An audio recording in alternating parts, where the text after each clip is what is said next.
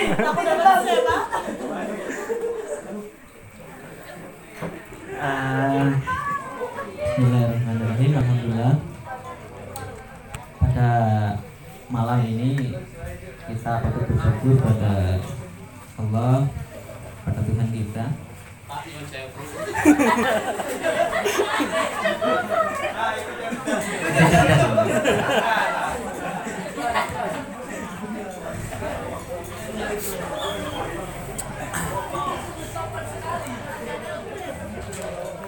Sehingga kita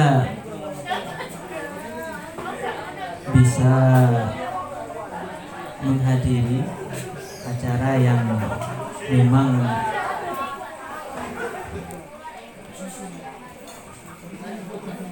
acara yang memang disetting unik oleh Mas uh, dan kawan-kawan.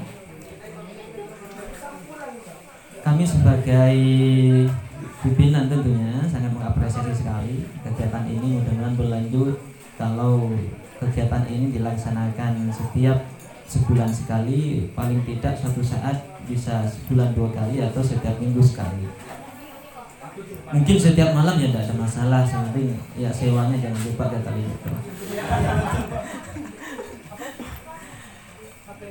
teman-teman yang berbahagia uh, kita harus berterima kasih kepada pimpinan uh, insan pimpinan Kalimetron ya.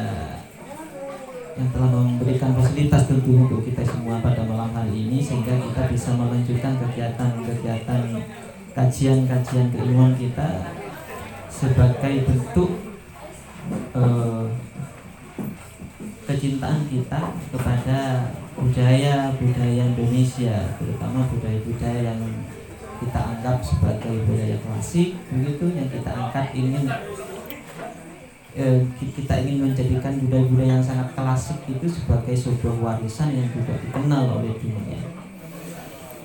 Teman-teman uh, yang berbahagia, saya akan uh, berangkat dari diri kita sendiri. Setiap manusia itu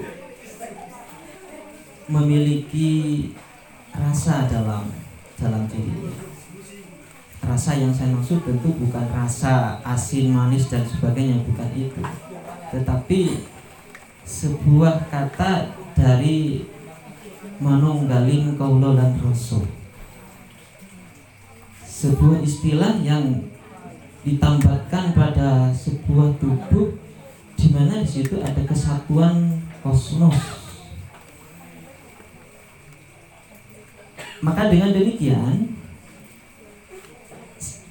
rasa yang ada dalam diri kita ini jiwa dan sebagainya yang menunggal gitu. Sehingga kita menjadi sosok yang paripurna sosok yang sangat sempurna. Kalau katanya nasofan itu adalah takwim begitu kira-kira. Bisa kita kenali. Maka orang yang cerdas itu karena kata kunci cerdas sekarang ini Orang yang bisa pertama mengenal dirinya, bukan kenal ke fisiknya saja setiap hari Anda bersoleh begitu enggak, bukan hanya itu, tetapi kenal diri Anda sendiri. Luar dalam. Anda bisa mengenal diri sendiri. Kekuatan Anda, kelemahan Anda, logika Anda, spiritual Anda, skill Anda, Anda kenali semua itu, baik dari sisi kelebihan dan kekurangannya itu sebenarnya hal-hal yang sangat sangat sangat yang sangat utama ketika anda ingin mengenal orang lain. Justru di sini anda harus mengenal diri anda terlebih dahulu. Nah orang Jawa itu begitu orang Jawa itu adalah orang yang di situ memiliki epipeni orang yang memiliki sikap adil dulu sehingga kalau anda mengenal dua istilah ini maka tidak ada sesuatu yang negatif yang kita kedepankan terlebih dahulu dalam diri kita. Itu tidak ada. Orang-orang Jawa adalah orang-orang yang adil dulu Nah, dengan demikian saudara-saudara, sikap orang Jawa ini kalau kita mengaji serat begitu disebutkan di situ bahwa orang Jawa adalah wong yang enggoni rasa yang podo belingan ing kolbu. Kira-kira begitu. Orang yang senantiasa mendahulukan perasaannya dan menempatkan segala hal itu pada hatinya. Bukan menambahkan pada logikanya semata. Bukan menambahkan pada sisi fisiknya semata tapi pada hatinya. Itu dalam kepercayaan lama yang oleh Agus Sinoto itu disebut sebagai kepercayaan kapitayan jadi kalau Clifford Gate menyebut orang Jawa itu sebagai animisme dinamisme sebenarnya dalam kacamata budaya Jawa itu kurang tepat juga. Karena menganggap kita menyembah hal-hal yang ya tidak bertuah begitu. Ya kayu ya pohon ya lembah dan gunung sebagainya. Termasuk ruh-ruh. Tapi di situ sebenarnya kalau kajian-kajian kajian-kajian Jawa klasik kita ini memiliki kepercayaan kapitayan di mana pada saat itu sebenarnya praktik-praktik sholat yang dipraktikkan dalam agama Islam itu sebenarnya oleh masyarakat kapitayan sudah dipraktikkan. Mulai dari berdiri kemudian ruku kemudian sujud itu dipraktikkan. Hanya saja menganggap eh, menyembah pada dua nah orang-orang yang seperti itu yang yang cenderung menjernihkan hatinya maka dalam peribahasa Jawa nanti orang tersebut adalah orang yang bisa menjadi suri tauladan. Karena bagaimanapun juga ajeni rokok itu sokok busana yang bukan di sini bukan bukan busana yang hanya yang dipakai itu tapi busana busana batin di situ. Nah, maka dengan demikian segala tindak tuturnya nanti ya ucapannya begitu sikapnya perilakunya itu ada kecenderungannya menjadi contoh-contoh bagi yang lain. Dan ini sangat serasi sekali dengan ajaran Islam yang kita kenal. Kalau dalam ajaran Islam yang kita kenal itu kita mengenal uh, apa namanya deskripsi Nabi dalam Al-Quran bahwa uh, Nabi Muhammad itu adalah sosok ya la yang tiku anil hawa in wa ila wahyu yuha begitu. Sosok yang tidak bicara dari hawa nafsunya tetapi dari merupakan wahyu semua. Ini karena memang ada aura orang yang sangat bersih di situ sehingga pesan-pesan ilahiyah itu pesan-pesan kekuatan kosmos bisa ditangkap oleh hatinya. Dan ketika itu diverbalkan itu sangat berpengaruh terhadap dunia yang ada di sekitarnya. Nah, hal-hal yang verbal itu kemudian ya menjadi kekuatan pengikat antara dirinya dengan realitas di sekitarnya dengan orang lain dengan lingkungan dan sebagainya dan apabila itu diulang itu sangat berpengaruh sehingga muncullah kekuatan kekuatan kekuatan micik di situ yang pada akhirnya kita sebut sebagai mantra. Nah, hal-hal yang seperti ini nanti menjadi sebuah ulasan. Jadi mantra itu bukan berbicara luar, bukan membicarakan hal-hal yang sifatnya jauh dari kita, tidak. Melainkan membicarakan sesuatu yang ada pada diri kita sendiri dan belum kita temukan seakan-akan begitu. Dan pada akhirnya kita temukan eh, ketika kita temukan kita cenderung asing terhadap dia sehingga menganggap hal yang berbeda ini secara etimologis. Nah, setelah kita mengenal istilah tersebut, kita mungkin mempertanyakan lagi ya bahwa dalam berbagai disiplin keilmuan yang terdisiplin itu bahwa mantra itu dikaji dari berbagai hal dari dari sisi keilmuan ini keilmuan itu dan sebagainya termasuk filologi itu termasuk kita mengkaji dari secara etimologis tadi bahwa mantra pada akhirnya ya dikembalikan bahwa ini berasal dari bahasa Sanskerta dan itu hanya ada pada kitab Weda.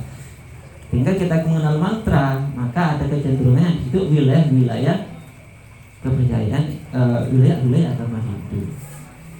Seakan-akan begitu.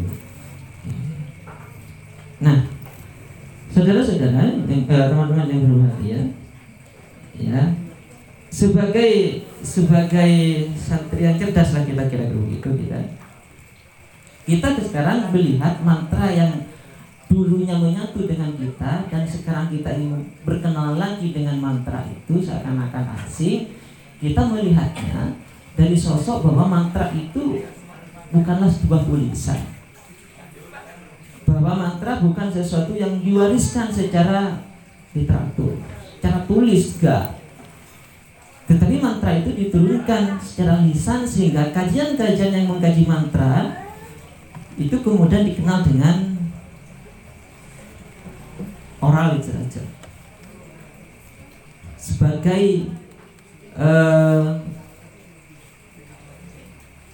tradisi-tradisi uh, lisan samping sebagai sastra lisan. Ini diturunkan dari lisan ke lisan. Nah, maka Kemudian Anda bertanya, kalau begitu mantra ini juga bagian dari sastra sastra lama memang iya, tetapi perbedaannya dengan sastra modern itu adalah jika sastra modern itu ditulis, maka mantra tidak ditulis. Ini ini garis-garis bisanya di situ. Jika sastra modern Anda bisa konstruksi sendiri, ya bisa anda konstruksi sendiri menggunakan imajinasi dan seterusnya maka mantra tidak bisa demikian karena mantra ada diturunkan dan kita bisa mencipta mantra tapi tidak semakis pendahulu-pendahulu kita ketika mencipta mantra. Karena di situ memang ada kesatuan kesatuan ibaratnya begini loh. Ketika anda itu ber, ber, melakukan kontemplasi begitu yang sangat mendalam sampai anda lupa makan lupa minum terus berhati tentang mau, apa namanya memposisikan pada suatu hal tiba-tiba anda menemukan sesuatu di situ dan sesuatu itu kemudian anda ucapkan terus berkali-kali maka itu menjadi sebuah kekuatan sugestif pada anda dan di, dan orang lain. Jadi bukan hanya ngasih. Jadi misalnya saja anda bisa sekarang menggunakan kata mantra aku mencintaimu itu diulang-ulang terus menerus begitu setiap hari begitu kira-kira. Itu kan ber berefek atau misalnya ada ada ada perempuan yang atau ada perempuan yang ada taksir perempuan itu menolak cinta anda.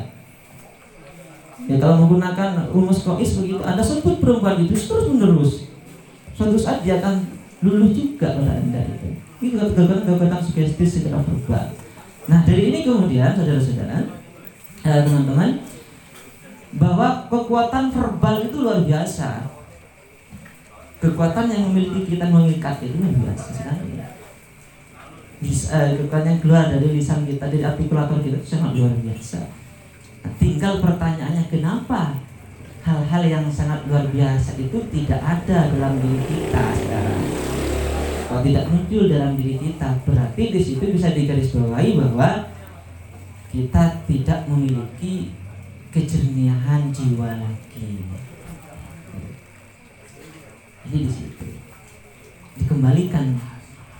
Nah, sering saya sampaikan pada teman-teman bahwa sastrawan ya seorang penyair budayawan itu orang yang memiliki kejernihan hati. Di samping logika. Tidak mudah tersinggung, tidak mudah berpikir negatif, tidak mudah sebagainya. Sehingga apa pun yang dia sampaikan meskipun tidak menggunakan majas begitu melekat pada orang lain.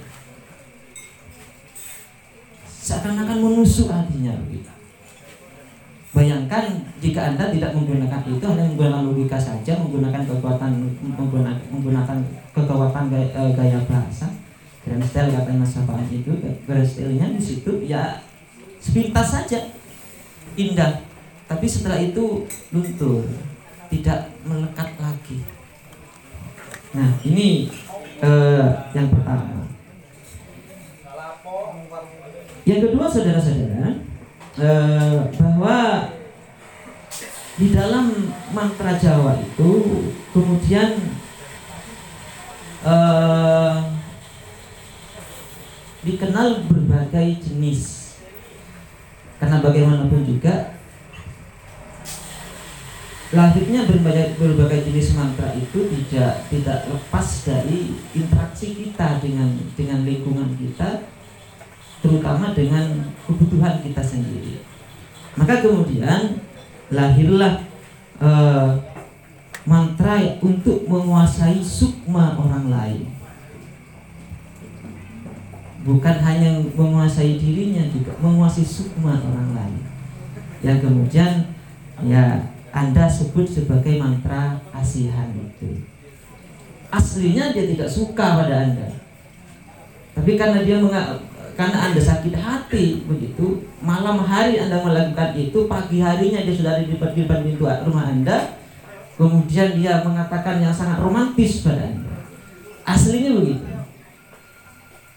Nah, bagaimana apa namanya?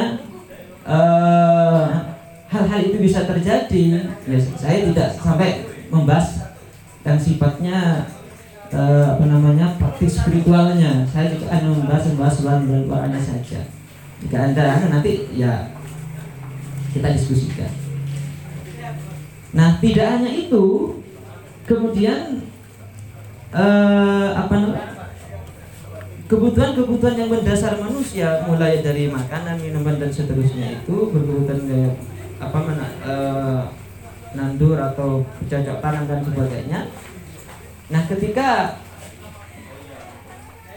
uh, hasil panen-panennya itu kemudian gagal, kemudian uh, terciptalah mantra-mantra yang kemudian itu disebut sebagai uh, jangjokan. Jadi mantra-mantra yang, yang digunakan untuk menanam.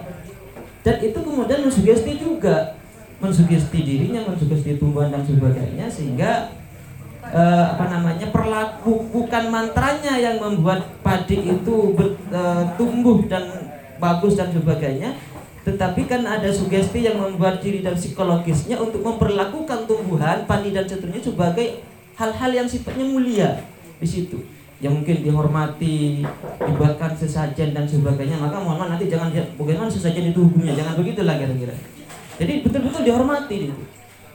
Ya. Ada penghormatan di situ, penghormatan kepada alam, memperlakukan sesuatu, memperlakukan hewan dan sebagainya, maka dalam wilayah ini sebenarnya dilarang membunuh apa namanya eh, hewan-hewan yang ada pada padi itu. Jadi orang dulu itu sangat arif memperlakukan sesuatu itu. Ada kecenderungan terima kasih dan sebagainya, maka simbol-simbol Dewi Sri juga ada di wilayah itu. Nah, dua sudah. Yang ketiga, orang Jawa itu tidak puas dengan apa yang dia miliki. Apa pun itu. Terutama yang e, menyangkut fisiknya, yang menyangkut mungkin e, kecerdasannya juga dan seterusnya. Sehingga e, dari hal-hal seperti itu muncullah mantra-mantra yang kemudian disebut dengan mantra ajian itu. Ya, apakah ajian Pancasona, ajian Rawarontek dan sebagainya. Memang ada itu. Bukan hanya mitos. Ya, bukan hanya di bawah wayangan saja, memang itu ada. Ini siapa?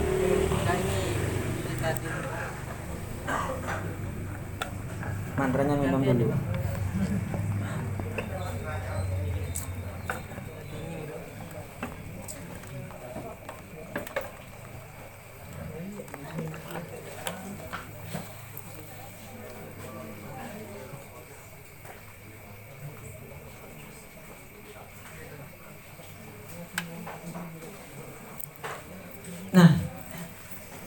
Teman-teman yang berbahagia, akhirnya yang terjadi adalah uh, sosok diri kita ini yang memiliki kekuatan luar biasa. Jadi kalau ke, anda berpikir logis begitu, kira-kira begitu, orang yang kebal, orang yang mungkin apa namanya anti senapan dan sebagainya, anda berpikir itu sebagai hal-hal yang sifatnya mistis. Ya, ya satu sisi memang benar. Tetapi hal-hal yang bisa kita pelajari dari mantra-mantra dulu mantra-mantra Jawa itu sebagai ajen-ajen dan sebagainya itu sekali lagi e, sesuatu yang memang betul-betul memiliki daya daya sugestif pada dirinya pada fisiknya pada darahnya pada pada apa namanya pada kulitnya mungkin pada dagingnya pada daging pada tulang dan seterusnya daya sugestif sehingga di situ memiliki kekuatan. Memiliki kekuatan. Nah tidak hanya itu kemudian eh, sosok-sosok manusia Jawa pada perkembangan-perkembangan berikutnya kemudian ingin memiliki kekuatan-kekuatan yang betul-betul paripurna. Bagaimana mengusir roh halus dan sebagainya sehingga di situ uh, muncullah mantra singlar termasuk bagaimana dia membuat tolak balak dari mantra satu ke mantra yang lain sehingga muncullah di situ raja. Maka raja kalau dulu kalau dulu itu saya sering waktu kecil tuh sering-sering membongkar raja-raja itu. Ternyata yang ada di dalam raja itu yang menurut orang tua ini ke, kebal A kebal B itu ternyata tidak ada tulisannya sama sekali justru di situ hanya ada ada ada lipatan ada ada ada pasirnya mungkin sekian begitu. Lah kemudian itu dijadikan dijadikan ajimat dibawa ke mana-mana kalau menggunakan itu buat. Memang itu sugesti. Anda yakin akan kekuatan anda gara-gara satu pasir itu yang anda penggak anda bisa buat. Nah kemudian dalam perkembangan eh, berikutnya ketika ada perpadu akulturasi antara budaya Islam dengan budaya Jawa itu kemudian raja yang dari huruf bijak itu kemudian dibuat juga yang kemudian uh, apa namanya uh, menjadi sebuah tradisi baru di kalangan masyarakat. Kemudian teman-teman yang berbahagia pada perkembangan-perkembangan berikutnya eh, termasuk sekarang itu kemudian muncullah eh, jampe-jampe yang kemudian bisa digunakan untuk mengusir penyakit dan sebagainya dan semua mantra yang ada di Jawa itu sepertinya masih masih eksis sampai sekarang tetapi karena di situ ada ada penurunan keyakinan maka kekuatannya tidak seperti dulu. Nah, maka dengan demikian pada malam hari ini kita akan meninggalkan hal-hal yang sifatnya yang sifatnya magis itu menuju sebuah estetika, menuju sebuah keindahan.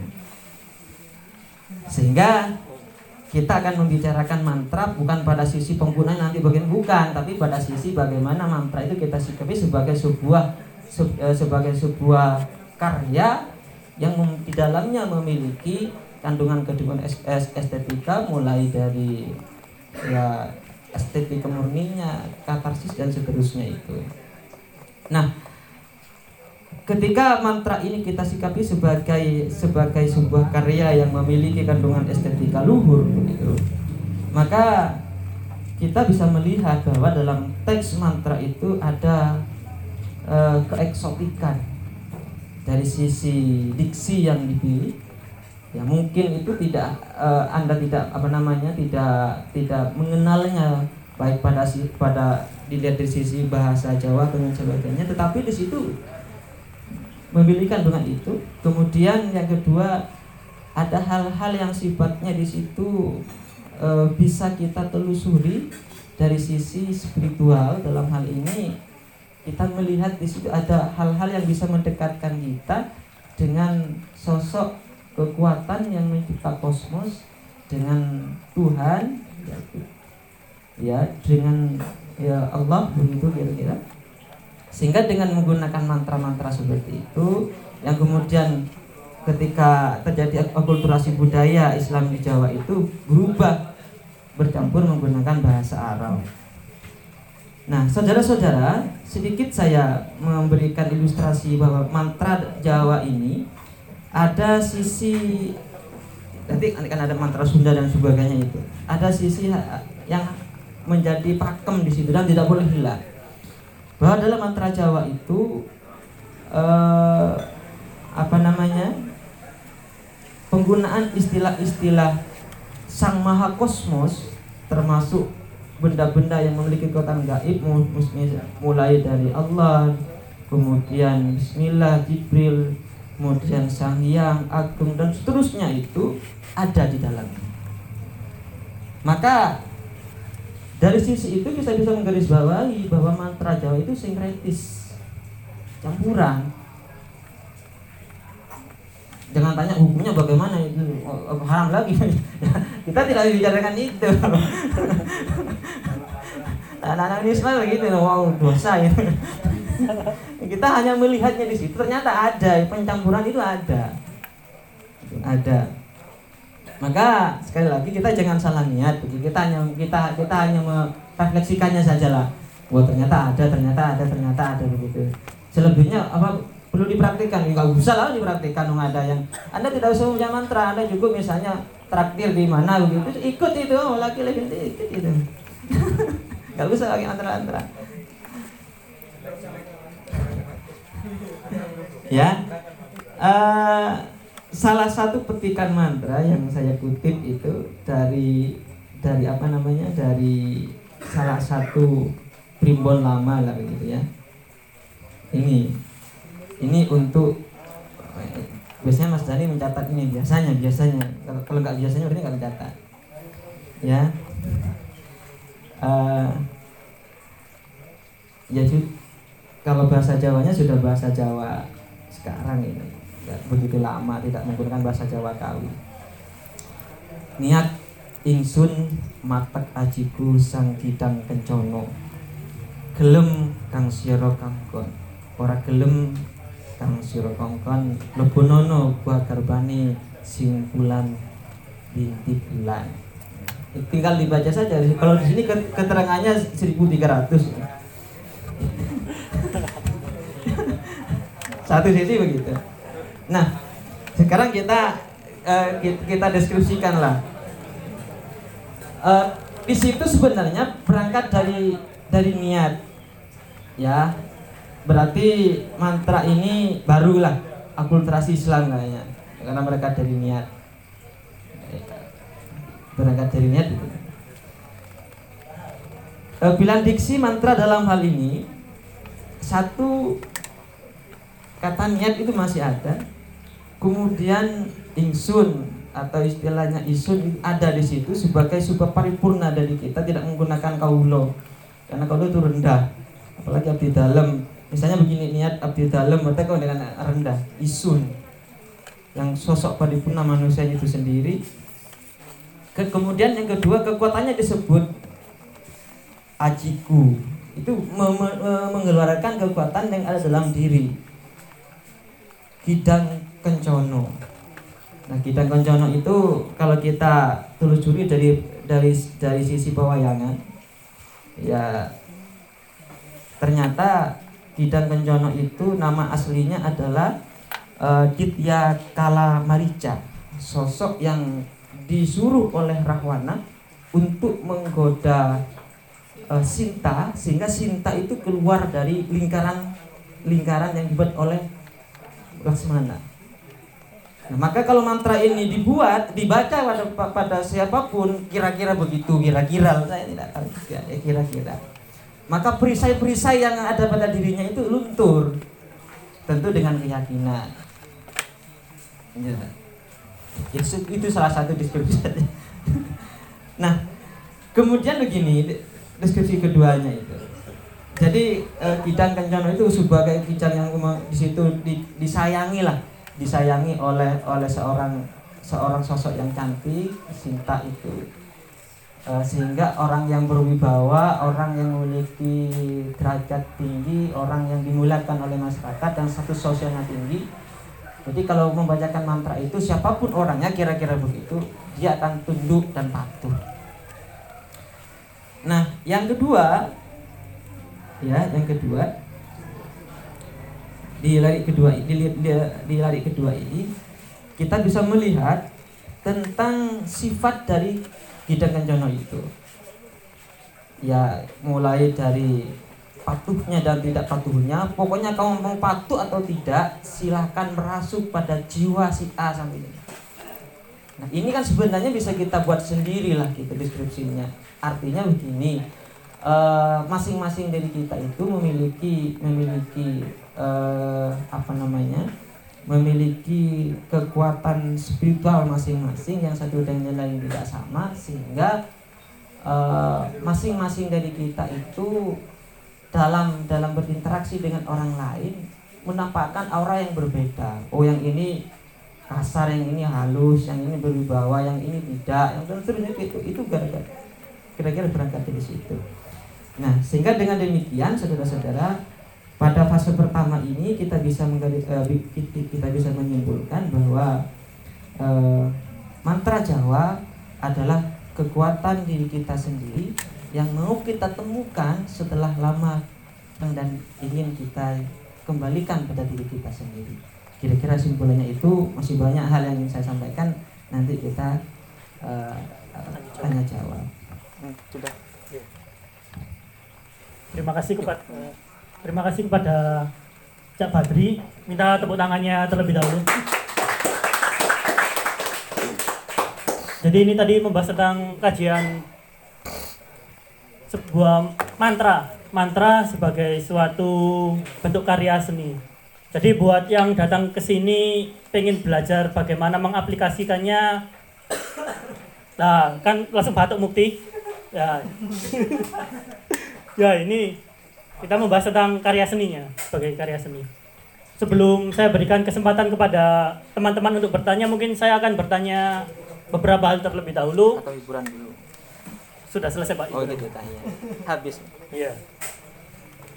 Jadi ada beberapa pertanyaan. Bukan yang lain dulu. Nah, yang lain nggak nanya, yang lain. Oh, beberapa saja mungkin Pak. Jadi saya kan pernah baca bukunya Sapardi yang mengalihkan mengalih tulisan kan mantra Jawa ke dalam bahasa Indonesia. Nah, di situ setelah saya baca bahasa Indonesianya, itu saya secara rasa tidak dapat hal itu. Nah, tetapi kenapa ketika saya baca secara bahasa aslinya, entah bahasa Jawanya atau bahasa Kawinya, itu saya nggak paham artinya. Tetapi ketika saya baca itu tiba-tiba ada rasa yang mengena yang membuat saya sampai merinding gitu nah kira-kira itu kenapa bisa seperti itu.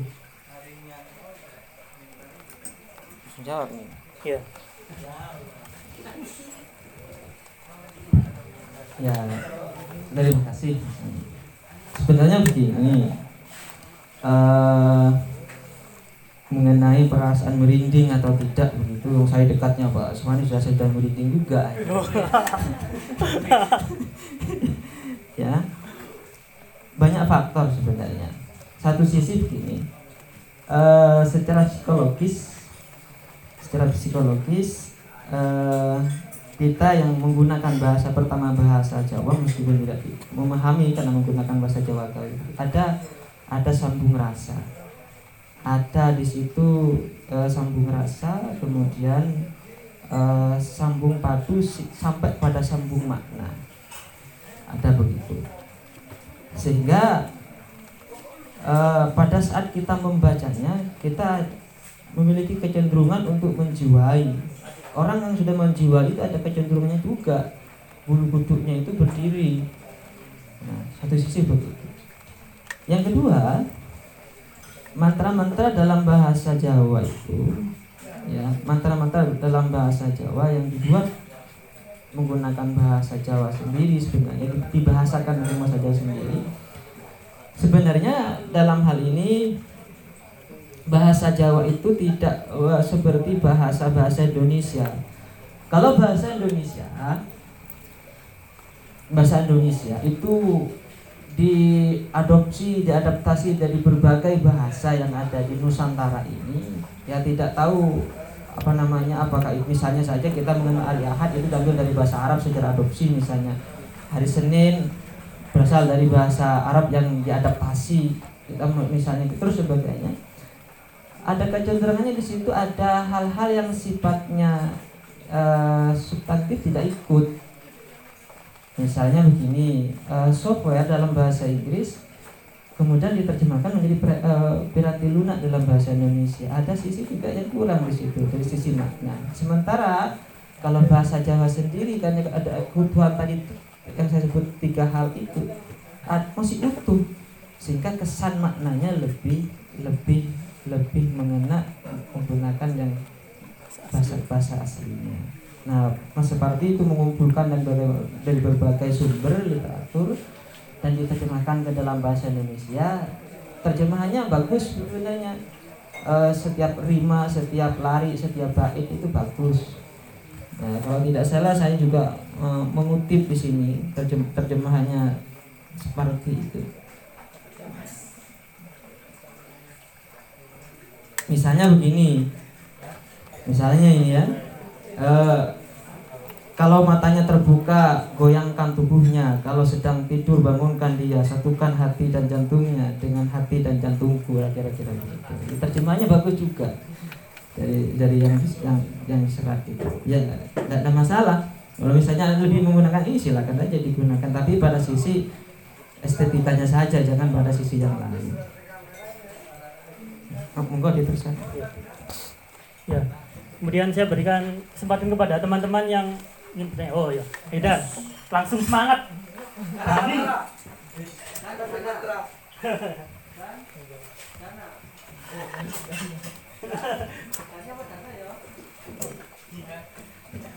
Assalamualaikum warahmatullahi wabarakatuh. Uh, selamat malam kepada Cak Badri yang, yang sudah mengisi materi tentang masalah. Terima kasih. Ada beberapa hal yang ingin saya tanyakan terkait dengan ini. Eh, ketika kita berbicara zaman sekarang orang-orang itu lebih mengenal mantra itu sebagai doa doa-doa atau ajian-ajian. Nah yang ingin saya tanyakan yang pertama itu tentang perbedaan antara doa mantra sihir kemudian aji-aji itu sendiri. Nah yang kedua ketika mantra itu dituliskan mantra ini adalah orang literally budaya dari mulut ke mulut ketika itu ditulis apakah mengurangi kemagisan ataupun estetikanya itu atau bagaimana? Apa tidak ada pengaruh?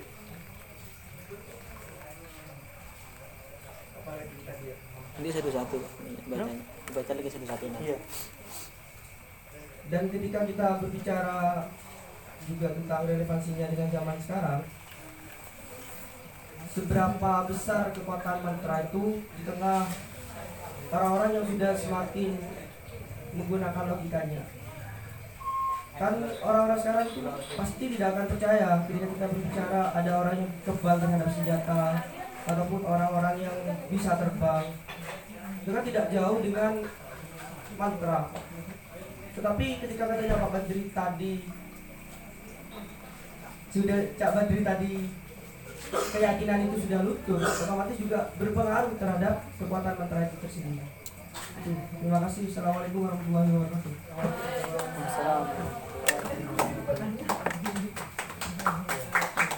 Ini sudah ada tiga pertanyaan. Mungkin ini dulu yang ditanggapi baru pertanyaan yang lain. Jadi yang pertama itu pertanyaannya apa bedanya doa mantra sihir dan aji-aji?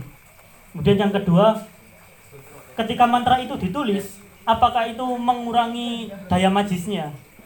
Dan yang ketiga, seberapa besar kekuatan mantra di era sekarang yang pada saat ini tuh orang-orang lebih banyak menggunakan logikanya sehingga tidak percaya mengenai hal-hal seperti itu. Ini pertanyaan pertama terlebih dahulu mengenai perbedaan doa, mantra, sihir, dan aji-aji. Bagus. Uh, yang pertama, dua tahun yang lalu guru besar UNED meneliti sihir di Banyuwangi. Ternyata dalam penelitiannya itu sihir itu bukan sesuatu yang membahayakan, tetapi sebagai obat. Berbeda dengan uh, dulu kemudian istilah di sana juga ya usi tidak jadi satu sebelum masyarakat yang lain memaknai bahwa yang saya sebut pertama itu sebagai sesuatu yang membahayakan. Dari sisi isi, ya, dari sisi isi sama juga. Perbedaannya adalah kalau yang pertama ini bisa ke siapa pun juga. Jadi bisa ke penguasa alas, yang dianggap menguasai alas begitu. Bisa permohonan kepada yang menguasai pohon yang menguasai lembah dan sebagainya. Kemudian dari situ menyelipkan niat dan itu diulang beberapa kali. Nah doa seperti kita lihat sama juga substansinya jadi yang kita minta tolong sosok yang memiliki kekuatan kosmos Tuhan Nah, kemudian setelah kita mengujinya, karena aturannya begitu, kita berdoa. Kita membacakan niat kita, apa hajat kita. Dari sisi isi hampir hanya dari sisi substansi berbeda. Nah, aji-aji ini lebih mengarah kepada sesuatu yang ditransfer. Secara verbal juga begitu. Tidak ditulis. Kalau doa mungkin bisa menggunakan media tulis itu gitu. Yang pertama juga bisa ditulis. Nah, langsung di langsung ditransfer dari fisik ke fisik saya ke persapaan begitu tetapi pada saat saya mentransfer energi itu istilahnya mentransfer energi itu saya mau mengucapkan sesuatu yang kemudian ditiru seketika itu ditiru Nah, isinya pun juga sama. Nah, ketiga-tiganya sama-sama memiliki kekuatan. Kekuatan yang secara secara fisik sama. Karena dalam kajian-kajian kajian tafsir pun begitu, antara wahyu dengan sihir itu mohon maaf relatif sama. Nabi Musa tongkatnya menjadi ular, itu wahyu ya golongannya Fir'aun yang menggunakan ahli sihir dan sebagainya berbagai benda yang dilemparkan itu menjadi ular jadi secara secara secara apa namanya secara fisik kemudian sana itu tinggal dari sisi bahasa ya sama hanya bedanya lebih besar miliknya Nabi Musa itu saja Kemudian pada suatu ketika ya yang kalah siapa? Ya ular kecil-kecil itu. Dalam sejarahnya begitu.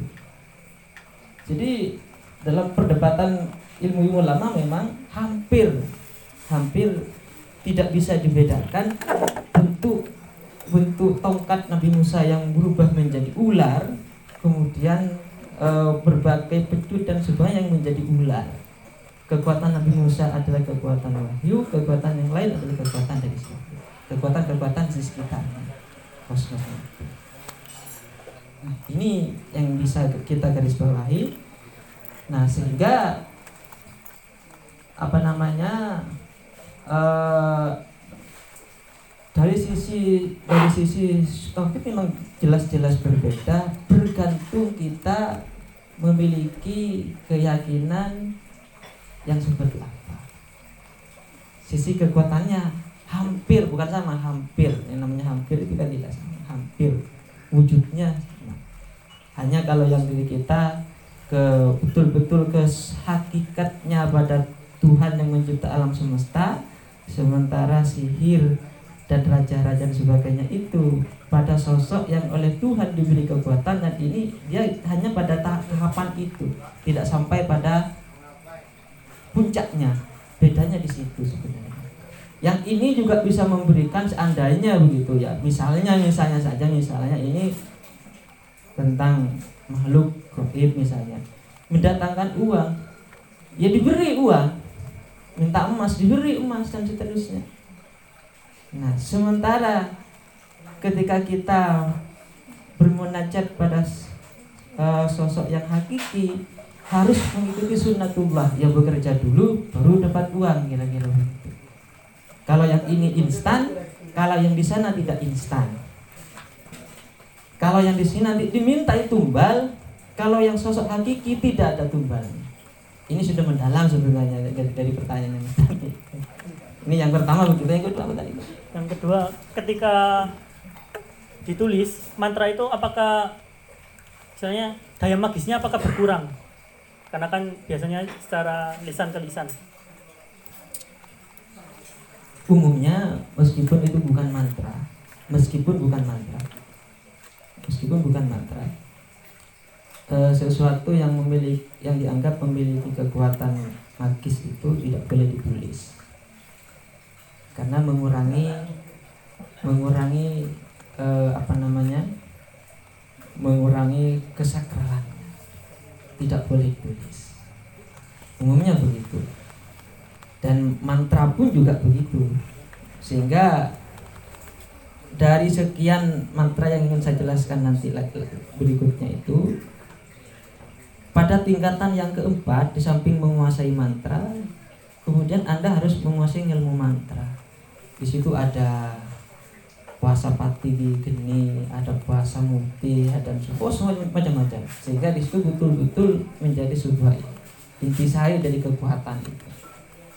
Maka mengembalikan bagaimana kekuatan mantra itu bisa menjadi menyatu dengan diri kita sendiri maka laku Jawa itu pada pada pada umumnya ya pada umumnya melakukan seperti yang saya sebutkan tadi itu. Nah itu yang kedua. Memang ya tidak boleh ditulis itu. Yang ketiga berkaitan dengan Apakah mantra di era sekarang ini masih daya magisnya atau kekuatannya itu masih berfungsi? Karena orang-orang kan sudah banyak menggunakan logika. kalau sudah dilogikakan tidak bisa. Ya. Ibaratnya begini orang yang melakukan tapa berata dengan membaca mantra-mantra tertentu gitu dia betul-betul mengkosongkan niatnya mengkosongkan keinginannya dan sebagainya sehingga dia bisa melihat alam yang berbeda. Alam yang berbeda itu tidak bisa dilogikakan. Dimensi dimensi dimensi lain itu tidak bisa dilogikakan. Bagaimana anda bisa melogikakan alam arwah? Nggak bisa. Bagaimana anda anda melogikakan alam alam goib al- alam malakut ya tidak bisa. Itu bisa ditembus ketika logika itu kita endapkan semua kita keinginan kita endapkan yang istilahnya Agus Nyoto itu disebut dengan alam suwung nanti kekosongan dari segala hal. Maka akan menempuh pada sesuatu yang sifatnya diinginkan terbukanya hijab istilah kita dalam merunukan syafat kira-kira. Karena mengosongkan dari berbagai hal ketika logika ada di situ itu kan kembali lagi. Kita sadar itu akan kembali lagi. Jadi mohon maaf sa- saya akan bawa ke wilayah wilayah wilayah tasawuf. Sebentar orang yang jadab itu yang sudah masuk kepada fana ubil fana dia akan apa namanya dari sisi fisik masyarakat di sekitarnya dia gila. Gila itu. Sebenarnya tidak. Dia sebenarnya ada di wilayah alam yang betul-betul di situ. Dalam dalam kacamatanya hal-hal yang indah yang tidak bisa dilogikakan ketika logika itu ada pada dirinya kembali dia akan menjadi manusia normal seperti kita kembali. Sehingga pikiran yang dititipkan Tuhan pada kita ini agar kita sadar bahwa kita itu bukan siapa-siapa kita adalah manusia biasa yang memiliki kelemahan dan sebagainya berpikir atas kepentingan orang lain membedakan A dengan B dan sebagainya sehingga kita bisa menghargai diri dan orang lain itu fungsinya nanti di situ sebenarnya sebagai hal yang bijak pikiran itu kita pikir begitu kira-kira Begitu dan bagaimana? Enggak kalau Boleh boleh boleh. Silakan. Iya wis. Ini Pak terkait yang jawaban pertama kan doa itu nanti bersumbernya kepada Tuhan. Sementara mantra itu bersumbernya pada alam-alam sekitar tapi tidak sampai kepada Tuhan. Nah ketika menggunakan mantra tapi keyakinan kita bersumberkan kepada Tuhan itu bisa atau tidak?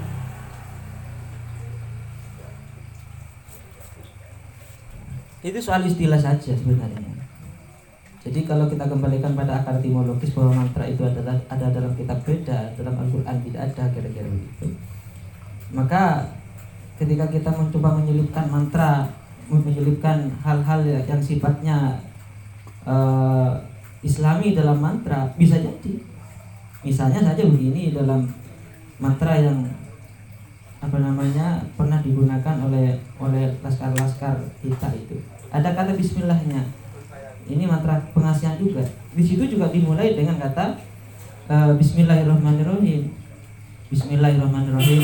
Tulah tago ono loro watak tantula bali tan lajeng nolak raja iman.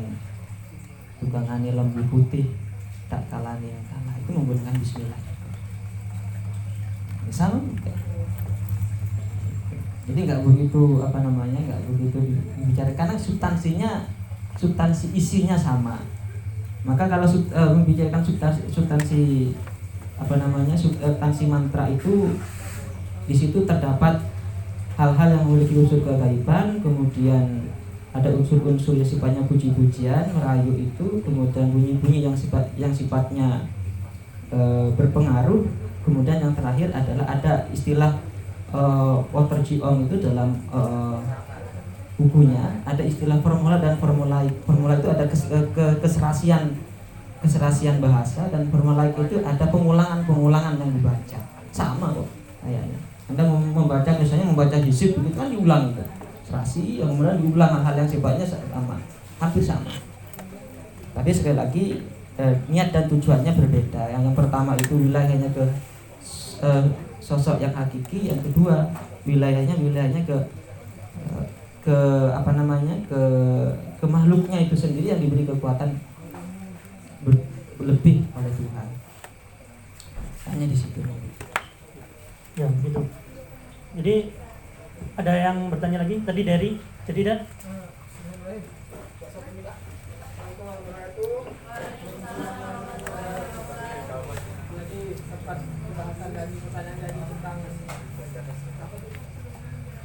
mantra dan karena mantra salah satu karya sastra menurut saya yang dilisankan jadi saya sempat muncul anggapan kalau mantra ini puisi. Mungkin ingat pernyataannya Joko Pinumbo tentang puisi itu bunyi. Jadi menurut saya mantra ini juga tergolong dengan di dalam puisi karena di dalam mantra juga ingin menyampaikan sesuatu pesan. Pesan yang ingin disampaikan terus kenapa mantra itu bisa terjadi? Karena benar sugesti saat kita yakin tentang suatu hal dan mendalam tentang itu ya benar itu terjadi. Itu jadi pendapat bapak tentang oh pendapat Cak Badri tentang ini bagaimana gitu. Nah mungkin itu saja sih yang ingin saya sampaikan. Makasih jadi Mukti jadi tanya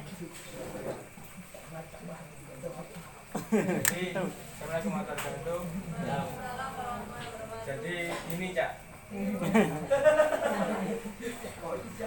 Kan uh, menurut saya ya setiap uh, periode perkembangan sastra Jawa itu mulai yang dulu sampai uh, apa Rangga Rangga Wasita itu Rangga Wasita yang meramalkan Jawa Edan setelah itu ada apa ya lebih lebih menyesuaikan zaman. Tapi unsur unsur majusnya itu juga berkurang. Apakah memang memang apa setiap zaman itu akan memiliki unsur majusnya sendiri-sendiri? Terus pertanyaan saya yang kedua apakah suatu saat nanti sastra Jawa itu kembali ke yang dulu gitu? Maksudnya e, ada profnya yang dulu. Kalau saya nyebutnya lebih sederhana itu resastralisasi kembali ke sastra yang dulu gitu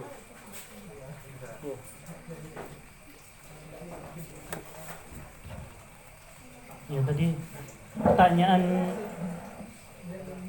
oh, kalau yang dari tadi mungkin butuh bagaimana tanggapannya bapak apabila mantra itu dianggap sebagai juga salah satu puisi gitu. kemudian kalau dari yang mukti itu mantra atau karya sastra Jawa itu dari dahulu itu ke sekarang mengalami semacam penurunan daya magis. Nah, itu apakah memang seperti itu dan apakah hal seperti itu tadi bisa kembali ke yang zaman dahulu sehingga kualitas magisnya itu menjadi meningkat. Ya terima kasih. Ya kita menganggap puisi sebagai coretan boleh sehingga terjadilah puisi eh, terciptalah puisi kontemporer dalam dalam wilayah mantra ada namanya raja. Kita menganggap puisi sebagai bunyi dan betul juga. Kita menganggap puisi sebagai sebuah tanda oke. Kita menganggap puisi sebagai sebuah luapan emosi memang iya kita menganggap puisi sebagai sesuatu yang memiliki efek uh, sugestif iya. Artinya puisi tidak terbelenggu dalam hal ini. Tetapi ketika kita memandikan antara puisi modern dengan mantra ini jelas puisi itu dicipta secara secara imajinatif sementara mantra pasti instruktif. Tidak bisa imajinatif mantra menghayal kemudian nggak bisa. Jadi salah satu e, pembedanya di kemudian yang kedua berkaitan dengan e, menurunnya daya magis sebenarnya daya magis itu tidak pernah turun tidak pernah luntur. Sampai kapan pun tetap satu satu kalau dua ya buat selamanya. Lantas yang kurang apa ya kita sebenarnya? Itu nah dalam hukum fisik kalau tubuh kita ini selalu kita asupi dengan makanan minuman dan seterusnya begitu maka sisi rohani itu menurun bukan meningkat, menurun. Ketika fisik itu kemudian kita abaikan, mohon maaf bukan disakiti loh ya, ya kita pola, ya kita puasai dan sebagainya, pun puasa begitu ya kita tidak makan yang sifatnya berlemak dan sebagainya. Ada dimensi rohani yang meningkat. Maka mohon maaf, cerita-cerita dari dulu itu sebelum sebelum agama Islam itu lahir memang sudah ada tradisi berpuasa itu itu salah satunya adalah bertujuan untuk meningkatkan energi rohani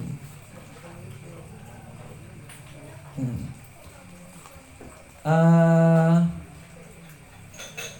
dulu kita memiliki dosen uh, namanya almarhumah ibu Mukarromah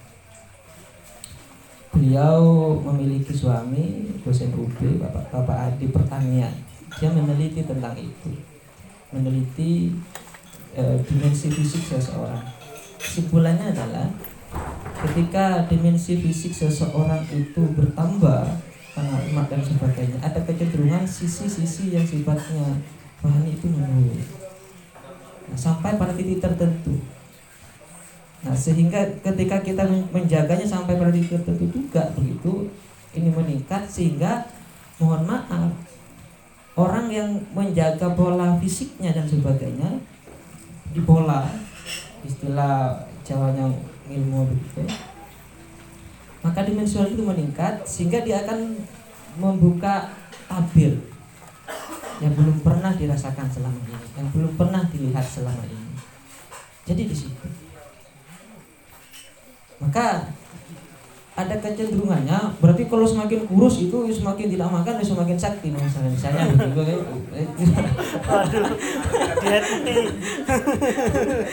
ya tidak begitu juga ya. Tidak begitu juga kita bisa melihat uh, sosok rahim begitu sosok pendeta. Ya dia mempola sebenarnya mempola di situ.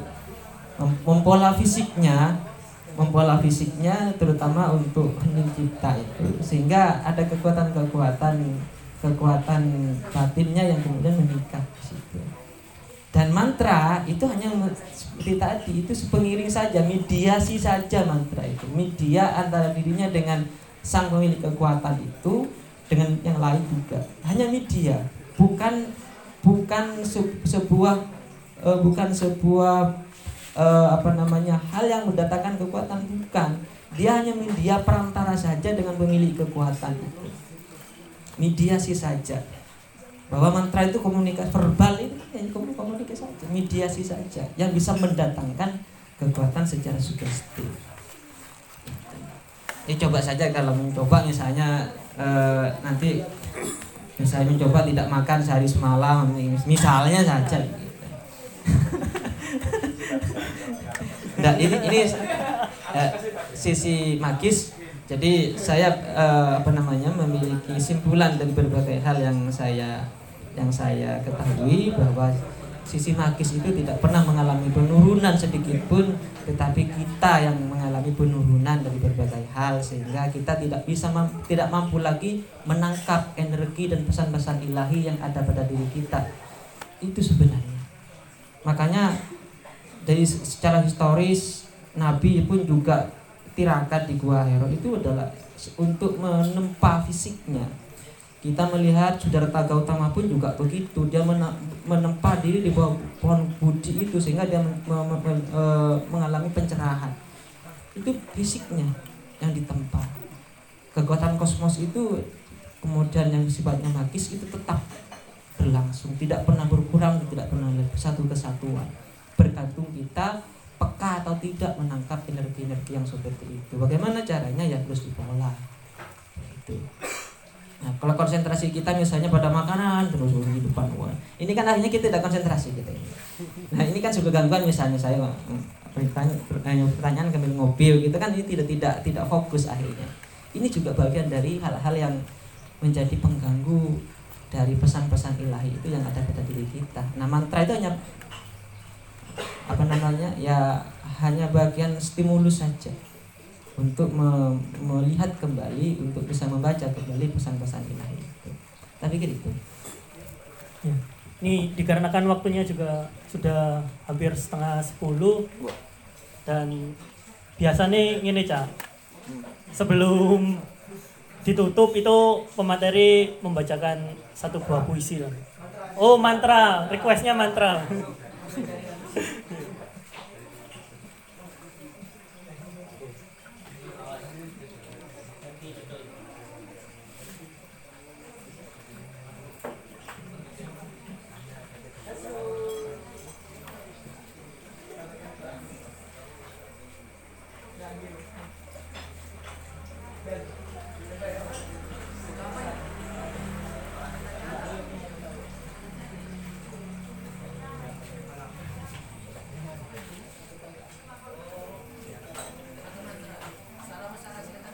Ditutup tadi.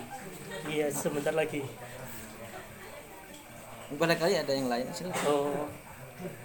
Sambil menunggu Cak Badri memilih mantra yang paling sakti. Nah, ini barangkali ada satu pertanyaan lagi. Oh ya, silakan.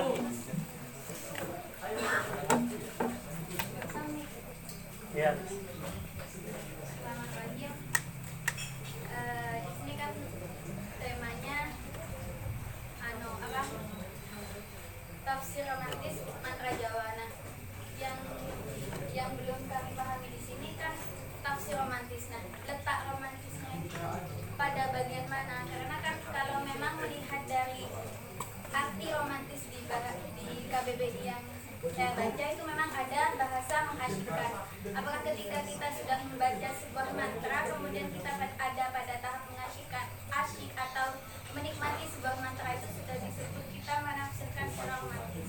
Kemudian eh, sebenarnya menafsirkan sendiri itu apakah harus pada tahap sampai kita paham pada maknanya atau sekedar meyakini atau eh, menikmati saja itu mungkin pertanyaan Ya, terima kasih. Mungkin bisa langsung ditanggapi. Ya Mbak siapa tadi namanya itu? Ya memang romantis itu eh, selalu melekat atau sepadan dengan eh, istilah-istilah cinta dengan kasih sayang begitu. Maka dalam membaca mantra pun harus dengan kasih sayang, harus dengan penuh penjiwaan, penuh penghayatan gitu. Kira-kira begitu termasuk dalam memaknai mantra. Maka eh, menafsir dalam hal ini eh, merupakan sebuah sudut pandang dari pengetahuan kita dari eh, apa namanya pengalaman kita terhadap eh, substansi yang kita baca. Sudah saya sampaikan tadi ketika menafsir kidang kencono itu eh, kidang kencono itu itu bagian-bagiannya. Nah lantas eh, bagaimana cara kita kita eh, berromantis dengan mantra? Memang yang pertama kita harus menyukai mantra. Tidak mungkin kita bisa berromantis dengan mantra kalau kita tidak suka mantra kepada siapa pun kita tidak bisa bersikap romantis kalau kita tidak suka. Maka yang pertama yang kita harus lakukan adalah menyukai. Saya memang tidak suka. Jadi paksa untuk menguasai lama kelamaan sampai rasa eh, paksaan itu tidak ada sehingga rasa suka rasa senang rasa cinta itu mulai kemudian muncul. Di situ di situlah kemudian eh, energi-energi yang ada pada dalam sebuah dalam sebuah uh, verbal bernama mantra itu bisa masuk dalam wilayah kita. Nah, lantas apakah dalam dalam membaca mantra harus ada ada penafsiran? Tidak harus. Nah, penafsiran bisa kita lakukan bahwa mantra yang seperti saya bacakan setelah ini berarti saya nggak hutang ya. Misalnya uh, mantra uh, apa ini? Mantra awet muda misalnya.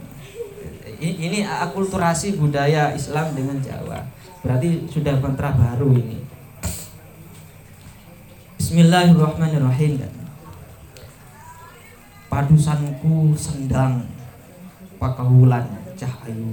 Mulah malih kaya rembulan kelap kelip kayak lintang. Ya iku wong bagus tanpa busana. Itu salah satunya. Itu saya nggak punya nah ini ini ini, ini uh, apa namanya deskripsi uh, sastranya saja jangan dianggap yang yang dianggap yang yang lain. Nanti itu anu anda anda apa namanya oh, itu bahaya itu pak misalnya. Ya memang segala hal itu bahaya kalau kita tidak bisa menempatkan pada tempatnya. Jangankan ini ya korek saja kalau saya uh, apa nyalakan kemudian saya letakkan pada hidungnya Mas Sabaan ya buat berbahaya iya. gitu, gitu gitu. Jadi bahaya itu adalah sebuah cara kita menempatkan sesuatu pada tempatnya. Kalau pada tempatnya ya sedikit tidak ada tidak ada bahaya. Mungkin itu mas. Mau nambah mantra enggak? Cak? Ya cukup dulu lah. Oh cukup dulu. ya. Mungkin sebagai penutup saya ingin lain kali lagi. Oh, iya. Lanjutkan. Allah sudah tadi. Ya. Saya ingin sebagai penutup penutup mungkin saya akan mengutip perkataan dari Cak Badri tadi bahwa ketika kita ingin membuat sebuah karya yang besar maka kita harus bisa mengosongkan hati kita terlebih dahulu dan juga menjernihkan hati kita terlebih dahulu. Sekian, sampai jumpa di diskusi budaya selanjutnya. Terima kasih atas partisipasinya. Wassalamualaikum warahmatullahi wabarakatuh.